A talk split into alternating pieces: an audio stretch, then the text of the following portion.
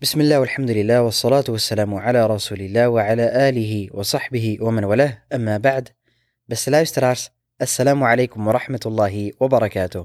Welkom bij de Ramadan adviezen, dag 3. Vandaag gaan we het hebben over as-suhoor.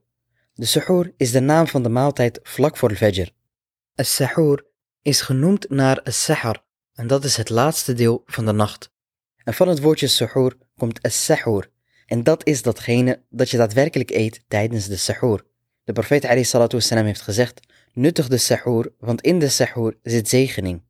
Deze hadith leert ons dat het nuttige van het sahur een belangrijk onderdeel is van ons vasten. Sterker nog, de profeet wassalam noemde de sahur ook wel de gezegende maaltijd. Want wie zegeningen wilt, zou deze maaltijd niet moeten overslaan. En dat is niet voor iedereen even makkelijk. Sommigen voelen bijvoorbeeld überhaupt niet de behoefte of drang om wat te eten rond dit tijdstip. En tegen diegene die zich hierin herkent zou ik willen zeggen, nuttig de sahur, ook als je geen trek hebt. Want het gaat hier niet om je honger stillen of verzadigd raken. Nee, wat belangrijk is, is dat je op zoek gaat naar de zegeningen. Want we noemen de sahur dan wel maaltijd, maar deze zegeningen zou je al kunnen krijgen door slechts een dadel te eten of een slokje water te nemen. Waar het om gaat, is dat je iets eet of drinkt, zelfs als je een verzadigd gevoel hebt of überhaupt geen trek hebt want dit zal je overdag helpen met het vasten en je zult beloond worden en zegeningen verkrijgen.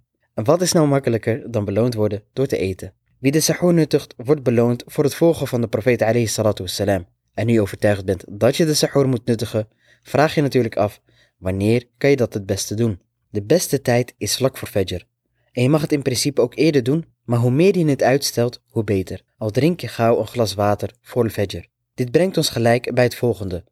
Want mag je eigenlijk wel dooreten tot al fajr? Of moet je je houden aan de zogeheten imsak? Dus moet je al vijf minuten voor al fajr stoppen met eten uit voorzorg. Wie de aflevering van gisteren heeft beluisterd, weet waarschijnlijk het antwoord al. We zijn namelijk verplicht om te vasten tot zonsondergang en we mogen eten tot de dageraad, tot al fajr. Dus je mag dooreten tot je zogezegd de adhan zou horen, dus tot de tijd van al fajr. Want voor de duidelijkheid, de profeet wassalam maakte geen gebruik van een kalender. De mensen aten door totdat zij de mueddin hoorden. En in Nederland hoort men de adhan niet, maar maakt men gebruik van een kalender. En op die kalender is alleen de tijd van Fajr relevant en niet de tijd die vaak aangeduid wordt als imsak. En het zou bevorderlijk zijn als deze imsak-tijd niet meer op de kalender wordt gezet, want vaak zorgt dit alleen voor verwarring en opent het een deur voor onzekerheid. Want men hoeft niet een aantal minuten voor de tijd van Fajr te stoppen met eten, wallahu a'lam. Dus wie door eet tot de Fajr treft inshallah geen blaam. Maar let wel op, tijd is tijd. Vervolgens, wat is het beste om te eten als een sahur? En jullie zullen het vast al raden, dat zijn dadels. De profeet wassalam heeft namelijk gezegd, de beste sahur zijn dadels.